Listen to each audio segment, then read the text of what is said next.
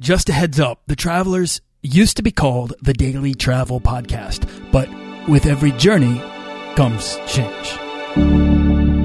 This podcast is produced by Holocene, a community of creative travelers. If you want to get serious about planning that next trip, writing that book, starting that creative project, or launching that business, we're breaking down the barriers between where you are where you want to be together at joinholocene.com. That's join, H O L O C E N E.com.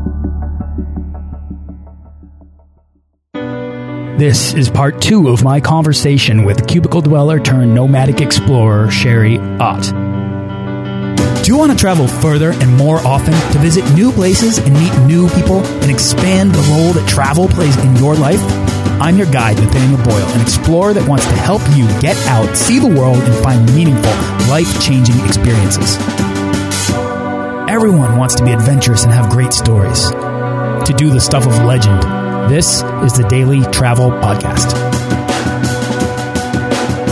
All next week is Entrepreneur Week on the Daily Travel Podcast. There's a common recurring thread on this show between travel and entrepreneurship. Digital nomads, location independents, travel bloggers and writers, podcasters, and media producers. Many of these fascinating people have built travel into their daily lives on the success of their personal businesses. Entrepreneurship may not be for everyone, but travel, in whatever form, should be. So I wanted to get some perspectives from location independent entrepreneurs, as well as new upstarts in online business with backgrounds in travel, to delve into how travel has helped influence their decisions to create freedom in their lives, embrace uncertainty, tackle the world with the curious mindset of an explorer, and build their legend. If you're curious about learning the skills to live and work anywhere, or even if you're not and just like good travel stories, then stay tuned for next week's episodes. In yesterday's episode, we discussed why Sherry made the decision to take a career break as a challenge, what she found waiting for her out there in the world, and why she never went back. For anyone interested in long term travel but considers it too daunting or far fetched because of their career or family or someone else's expectations are all getting in the way, or maybe you don't know anyone else who's done it, then tune into part one if you haven't already, or sit back and enjoy part two of my conversation with Sherry Ott.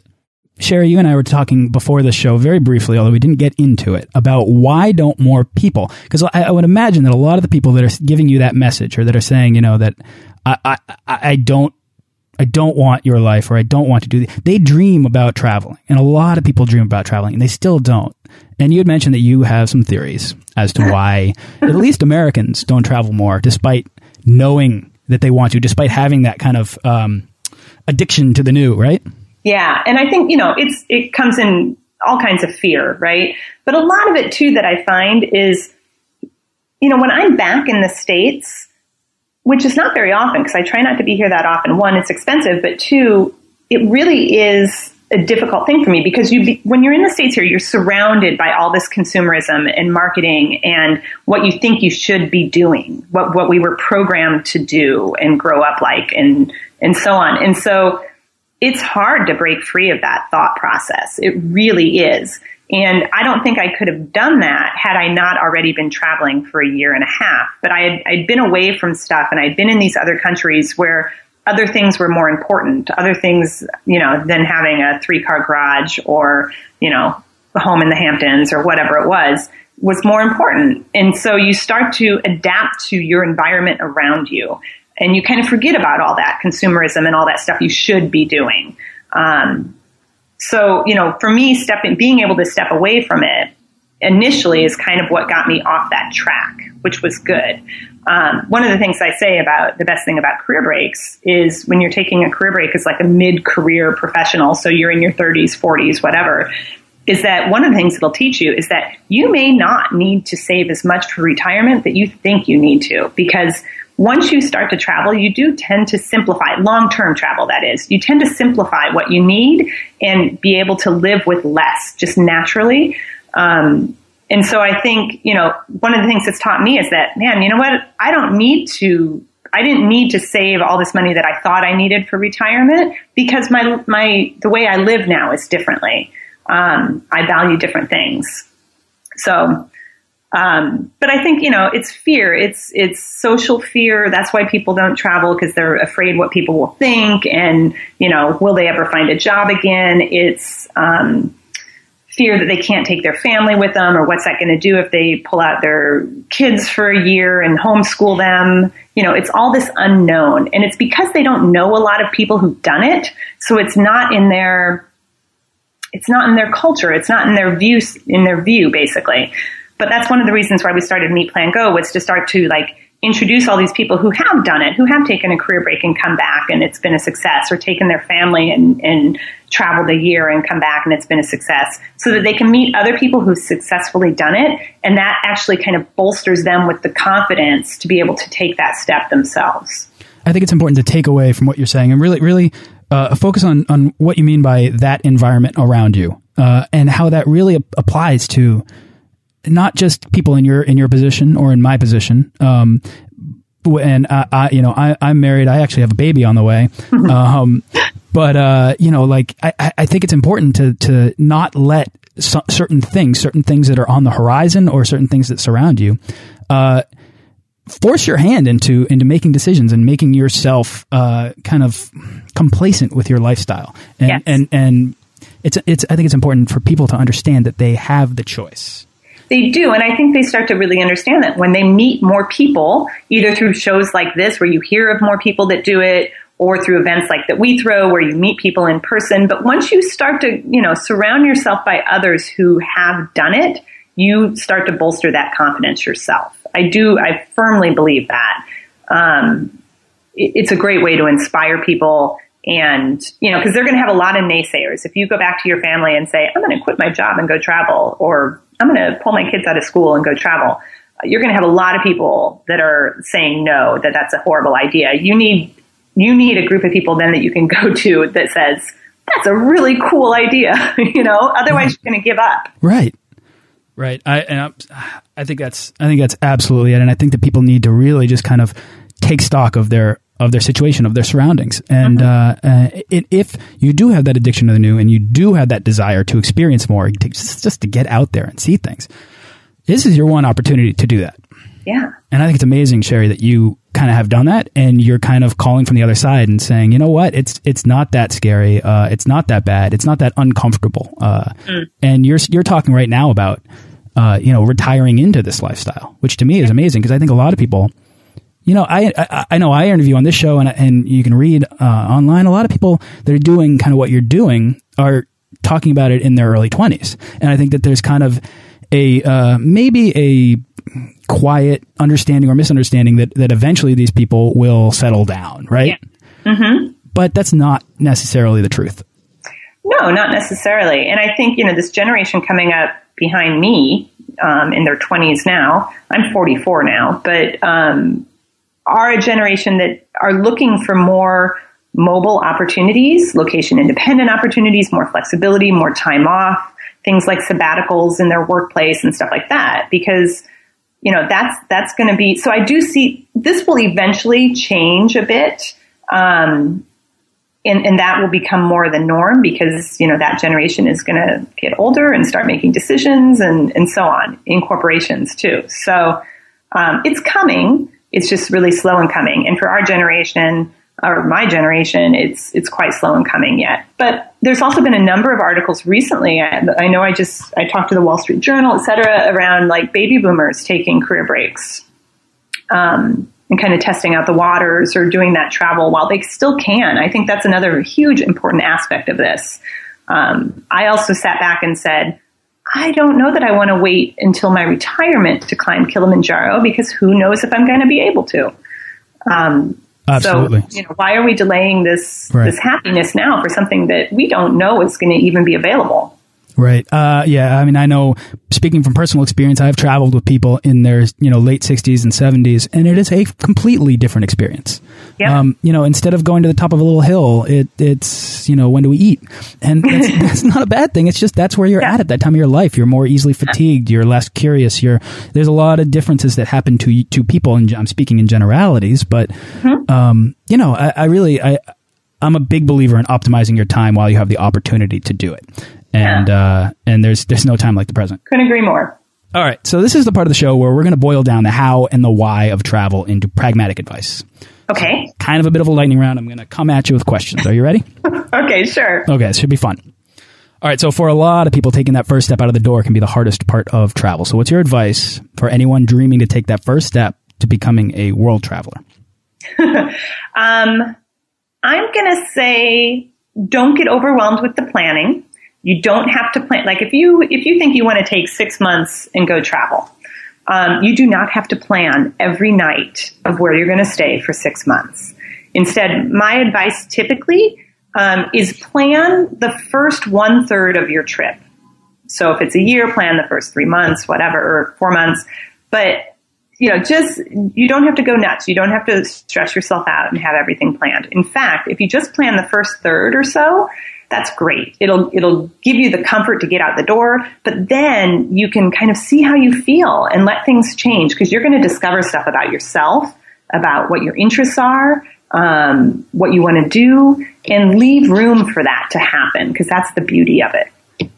I think that's great specific advice. A lot of people just say, you know, just go. And I think that's obviously great advice to buy a ticket, you know, force yourself into it. But like really just taking that open-minded approach, that, that could, that could really, uh, I mean, because it's true. I, I, when I was traveling, uh, uh, when I was going around the, the globe, I had so many plans change on me yeah. that everything that I had arranged and spent too much time arranging ahead of time, you know, and that's going from visas to getting work documents to flights to to I mean everything. And it's like the fact and is you, you, might be one week into your trip and you meet somebody and that changes everything. Exactly. It can change a whole direction. Um, maybe you end up staying somewhere and working, you know, because it's cool and different. Who knows? But it's and, and, all that planning stuff you can do on the road. And in fact, sometimes it's even cheaper because by then now you've met people, you've started to network with this travel community. You may find people that want you to come stay with them or that have a friend of a friend who's somewhere, or now you're in, say, like Singapore and the budget airlines there that now you have access to that you didn't even know about when you first started planning, you know, will help you save money tremendously if you just wait. Um, so, you know, I, I think though, for most of us, though, we feel very uneasy not planning. So that's why I like this whole idea of like, plan a third, satisfy that need of yours if that helps you get out the door, but then leave that rest open because I'm going to say 80% of the people that I talk to that's done this, and I talk to a lot, um, their plans change and they're happy they didn't plan the, the their whole trip at once. Absolutely. The, the looser you leave it, the more uh, uh, prone you leave yourself to spontaneous exploration, and that's where all of the best stories come from. Yes. all right. So the biggest hurdle most people, uh, for most people who want to travel more, is cost. Do you have a secret money saving tip or a travel hack? Um, I don't know if it's so secret anymore, but one of my one of my big pieces of advice I always give to people is um, get out of the hotels, stay with locals. So, and you know, if you can stay with a local, whether that be um, renting a room in their guest house or in their home, which I've done all over the world. Um, or if you're not comfortable with that, maybe renting a holiday apartment, a short-term apartment, because you can rent short-term apartments for like three days if you want. Um, but what that basically does, either one of those scenarios, is it gives you access to a kitchen. And when you have access to a kitchen, you can save money because then you can maybe say, okay, I'm going to eat one meal out a day but I can have my coffee and my breakfast or my lunch, or I can pack a lunch to go or whatever because I have a kitchen. That's going to help you save money. The other really cool benefit of having a kitchen is it's going to make you go out to the local markets and learn about that culture. And it will, it's my favorite thing to do. I meet people all the time in the markets. You learn about what's in season and, and what's popular. And it's just, it's fascinating. Um, to in, you know, and it just, it throws you more into that local scene. Also staying with locals normally has you staying in more local neighborhoods, which forces you to take local transportation, which is always cheaper. Um, you know, so there's a lot of good that can come of that. So packing is easily my least favorite part of travel. Ugh, yeah, Do you have any advice to help people pack? Oh, packing. Um, you know, you, you, can't outsource hard. packing. Yeah, I know. I wish you could. Uh, well, one thing, know that and this is true. I always have to remind myself of this after seven years. Like, you can buy stuff anywhere. So don't go nuts. You don't have to have everything with you, right? You can always buy stuff somewhere. Um, no matter where you're at. Mongolia, China, it doesn't matter. Uh, but, you know, one of the things that I use when I pack that helps, of course, I roll all my clothes. Been rolling clothes for seven years. It saves space. Good tip. Not everyone's going to think of that. Oh, really? Oh, yeah. So it's ridiculously normal to me now, um, which is sad. Uh, but the other thing that helps me, whether I'm carrying, sometimes I carry a rolly suitcase, and most of the time I carry a backpack. But one of the big things are the packing cubes. So I use the um, like the Eagle Creek Pack-It system, which is pretty lightweight, but it helps you compartmentalize things. So like all my workout stuff or my exercise stuff goes in one compartment. All my um, whatever skirts go in this little compartment. So it helps you because when you're living out of a suitcase for a long period of time, the last or a backpack, the last thing you want to do is like have to take everything out to find it and you know, so this way it's like, okay, I just I know I need this pack, this little cube or whatever. So that helps quite a bit. And I roll the clothes in there too. There you go. Yes, roll everything. Yes. Yes. All right, so where is the most challenging place you've ever been? Well, now, do we mean challenging good or challenging bad? This is actually the first time I've posed this question to anybody. So, what I mean by challenging is, uh, a, you know, you can have a you can have a bad experience, but that might not necessarily mean you regret it. So, I guess what I mean is uh. the most the most the, the the place that tested your travel skills and abilities. Nepal is one that comes to mind as far as like testing my skills and abilities. Definitely Nepal.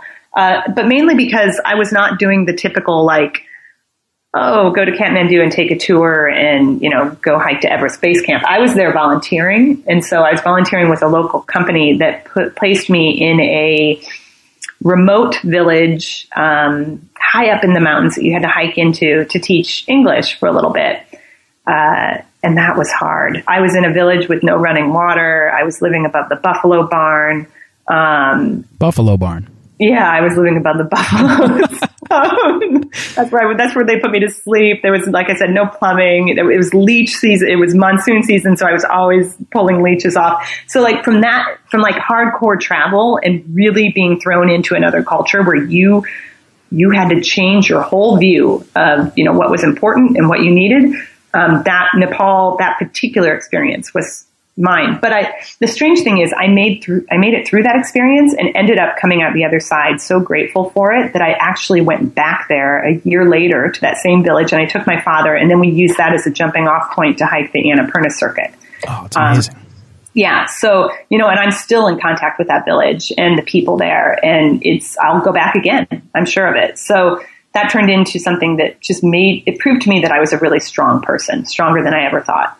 Um, you know, another, I was going to say just another travel, another challenging country for me was Mongolia, um, for yes. reasons, but I loved, it's also my favorite country to travel to though.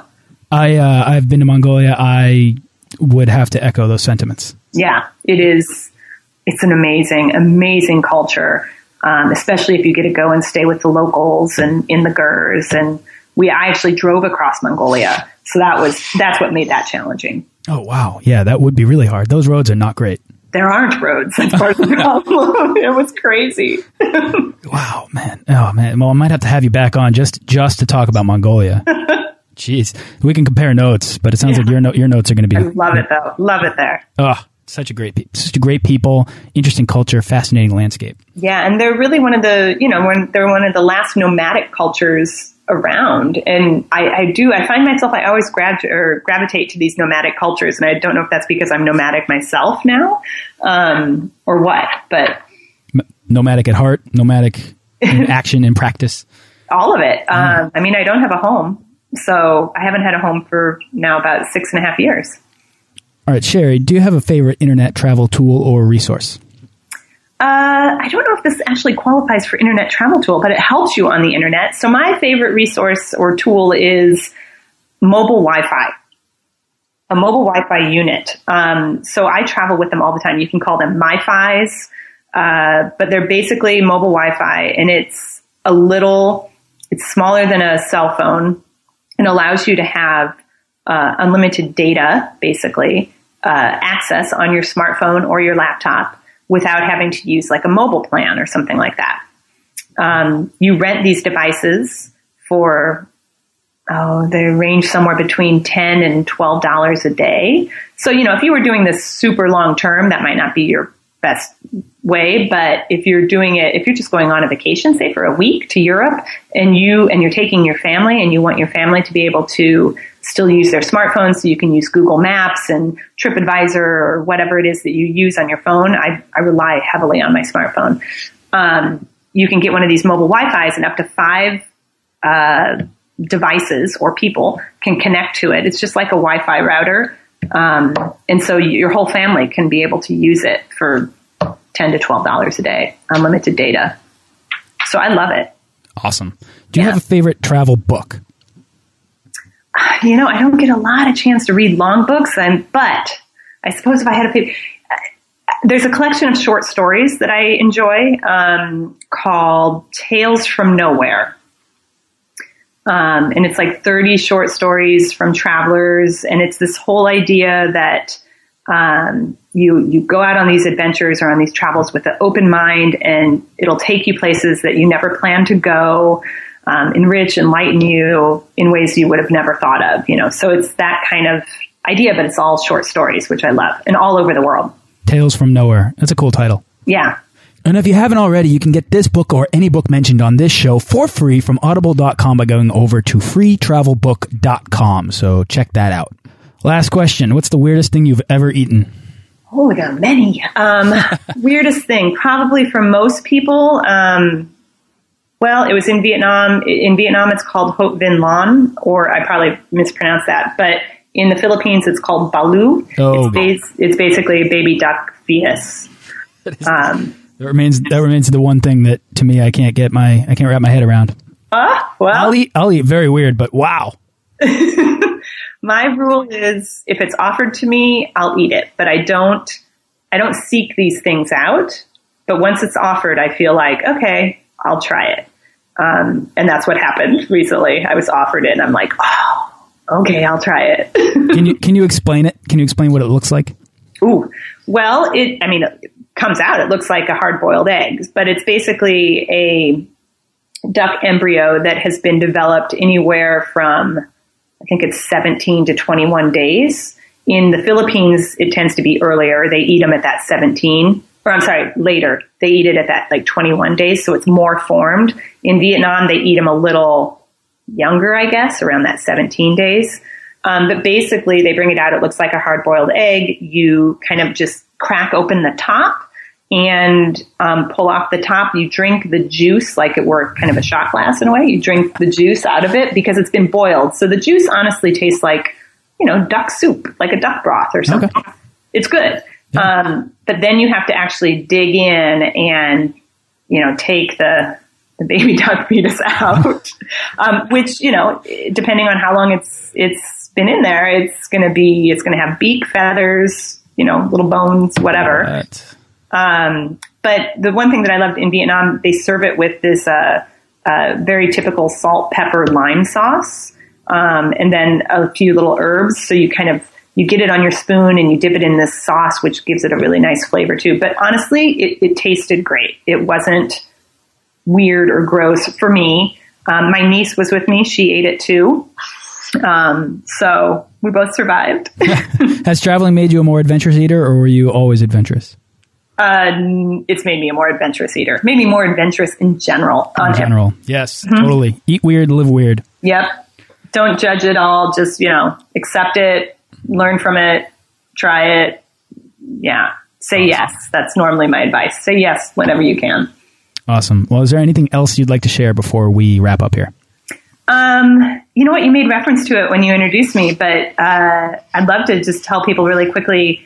Um, Oh yeah, air in April. So I'm going to actually I'm heading off to India next to do something called the Rickshaw Run, um, which is a charity event basically.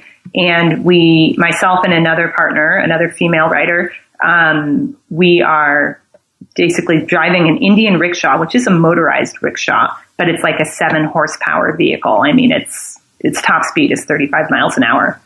Um, we're going to drive it from southern India to northern India which is around 2,000 miles or so. Um, just completely unplanned on our own, and we're raising money for Charity Water, uh, which brings clean water solutions to um, villages in need, basically all over the world, but a lot in India, Southeast Asia, Africa, um, and South America. Now, how did you get into? How did this this uh, idea get started? Um, well, well, we talked about driving through Mongolia. About three years ago, I did something called the Mongol Rally, also put on by this same company. They're an adventure charity company, basically, um, out of the UK. And so we did the Mongol Rally, and that was driving from London to Mongolia in a car um, for five weeks. So once I finished that, I had so much fun doing that. Um, it was hard. It was probably the hardest travel I've ever done. That sounds really hard. It was incredible. Um, but it also was a lot of great stories, great writing, great photography, great access into a cultures or into the cultures. And so I wanted to do something like that again. So it's been three years and I thought, you know, I'm so lucky to see the world and, um, have these opportunities that I do, it's it's really important to me to be able to give back. So I've talked a little bit about I've volunteered in places certainly, but this is also a way that this is like just strict fundraising. So we are we're trying to raise fifteen thousand dollars um, we're halfway there, uh, but we've got two months left, so we'll see how we go. So, is this travel company um, in England? Are they sponsoring your trip? Uh, they are. We are one of their media teams, basically. Um, but no, we pay for everything. There's an entry fee that normally is is paid, but but as a media team, we get that waived. But we still have to do all the same stuff, and we we're paying for our travel and and so on. So yeah, yeah. I mean, I'm I'm asking almost for my own my own question. This is the kind of oh. thing that I would actually love to do, or even uh, organize for people to do. Yeah, and you know what? This is one that is is doable because for Americans because it takes around two weeks. So, you know, as Americans, we don't get that much vacation. So doing the Mongol rally, which took a full five weeks, um, that's a hard one to, you know, for lots of people to, to do, be, even though they think it's really cool. It takes a long time and they have to get time off of work. But the rickshaw run is one that, you know, is doable on a regular kind of vacation or time off. Yeah, I, and, and, can change people's lives. I mean, that's an oh, experience oh, that, that nobody would forget about, and it's only a little two week window. Yeah, uh, so we're gonna and we're gonna be um, covering it live. So we'll be tweeting it and Instagramming it and Facebooking it live, and then we'll be writing about it on our blogs um, so you can even follow live if you want. And then the whole time we're also still taking donations and, um, yeah, so it should be, so people can get a really good feel for what it's about. Well, I know I'm going to be following live, and I, I, will I will pass on this stuff to my listeners, uh, and we'll put this stuff in the show notes, and we'll just try to you know get people on board because right. it sounds amazing, and I want to do it, and I, I wish you so I, I wish you good luck because that is a that is an epic journey. Yeah, it is going to be. And you know, it's just talk about something new every day. It's kind of the ultimate, right? You don't know what you're going to, what's going to happen. And it's going to force us to rely upon the kindness of strangers. Have you and been to India? I've been there once, but not to this extent. Like I was there, I was doing volunteer work in Delhi. I was teaching. Um, but this is going to take me throughout all of India this might be your most challenging place. awesome, Sherry. Uh, where can people go to find out more about you and what you do? Um, well, the first place is probably ottsworld.com, O-T-T-S-W-O-R-L-D. Um, so that's that's where I put all of my travels. Um, I'm also obviously from there. You can find me on Facebook, Instagram, Twitter. I use a lot of social media um, for people to kind of follow traveling live. But then also we talked a little bit about my other career break website, meetplango.com. Um, and that is a site for, like I said, it's really to encourage career breaks. We do events all around the country um, throughout the year. Uh, we have a free online class for how you can plan and your career break, basically. So it takes all that planning stuff out of it and helps you kind of digest it all when it seems so impossible. Um, so yeah, those are the two best places to find me. Totally. If anybody here listening to this is thinking, gee, a career break might be a good idea, then you should probably go check out meetplango.com. Yeah. And, uh, and if what Sherry's done sounds like something you might want to do, go there and learn from her because clearly she knows what she's talking about. She has a wealth of knowledge. Um, Sherry, uh, thank you so much for coming on the show. I really appreciate you taking your time to do this. Thanks for having me. Thanks for listening to this episode of the Daily Travel Podcast. For show notes and links to everything in this episode and more, head on over to dailytravelpodcast.com. Join our Facebook page of explorers and subscribe to our newsletter for the best deals and resources to help make your next trip life changing.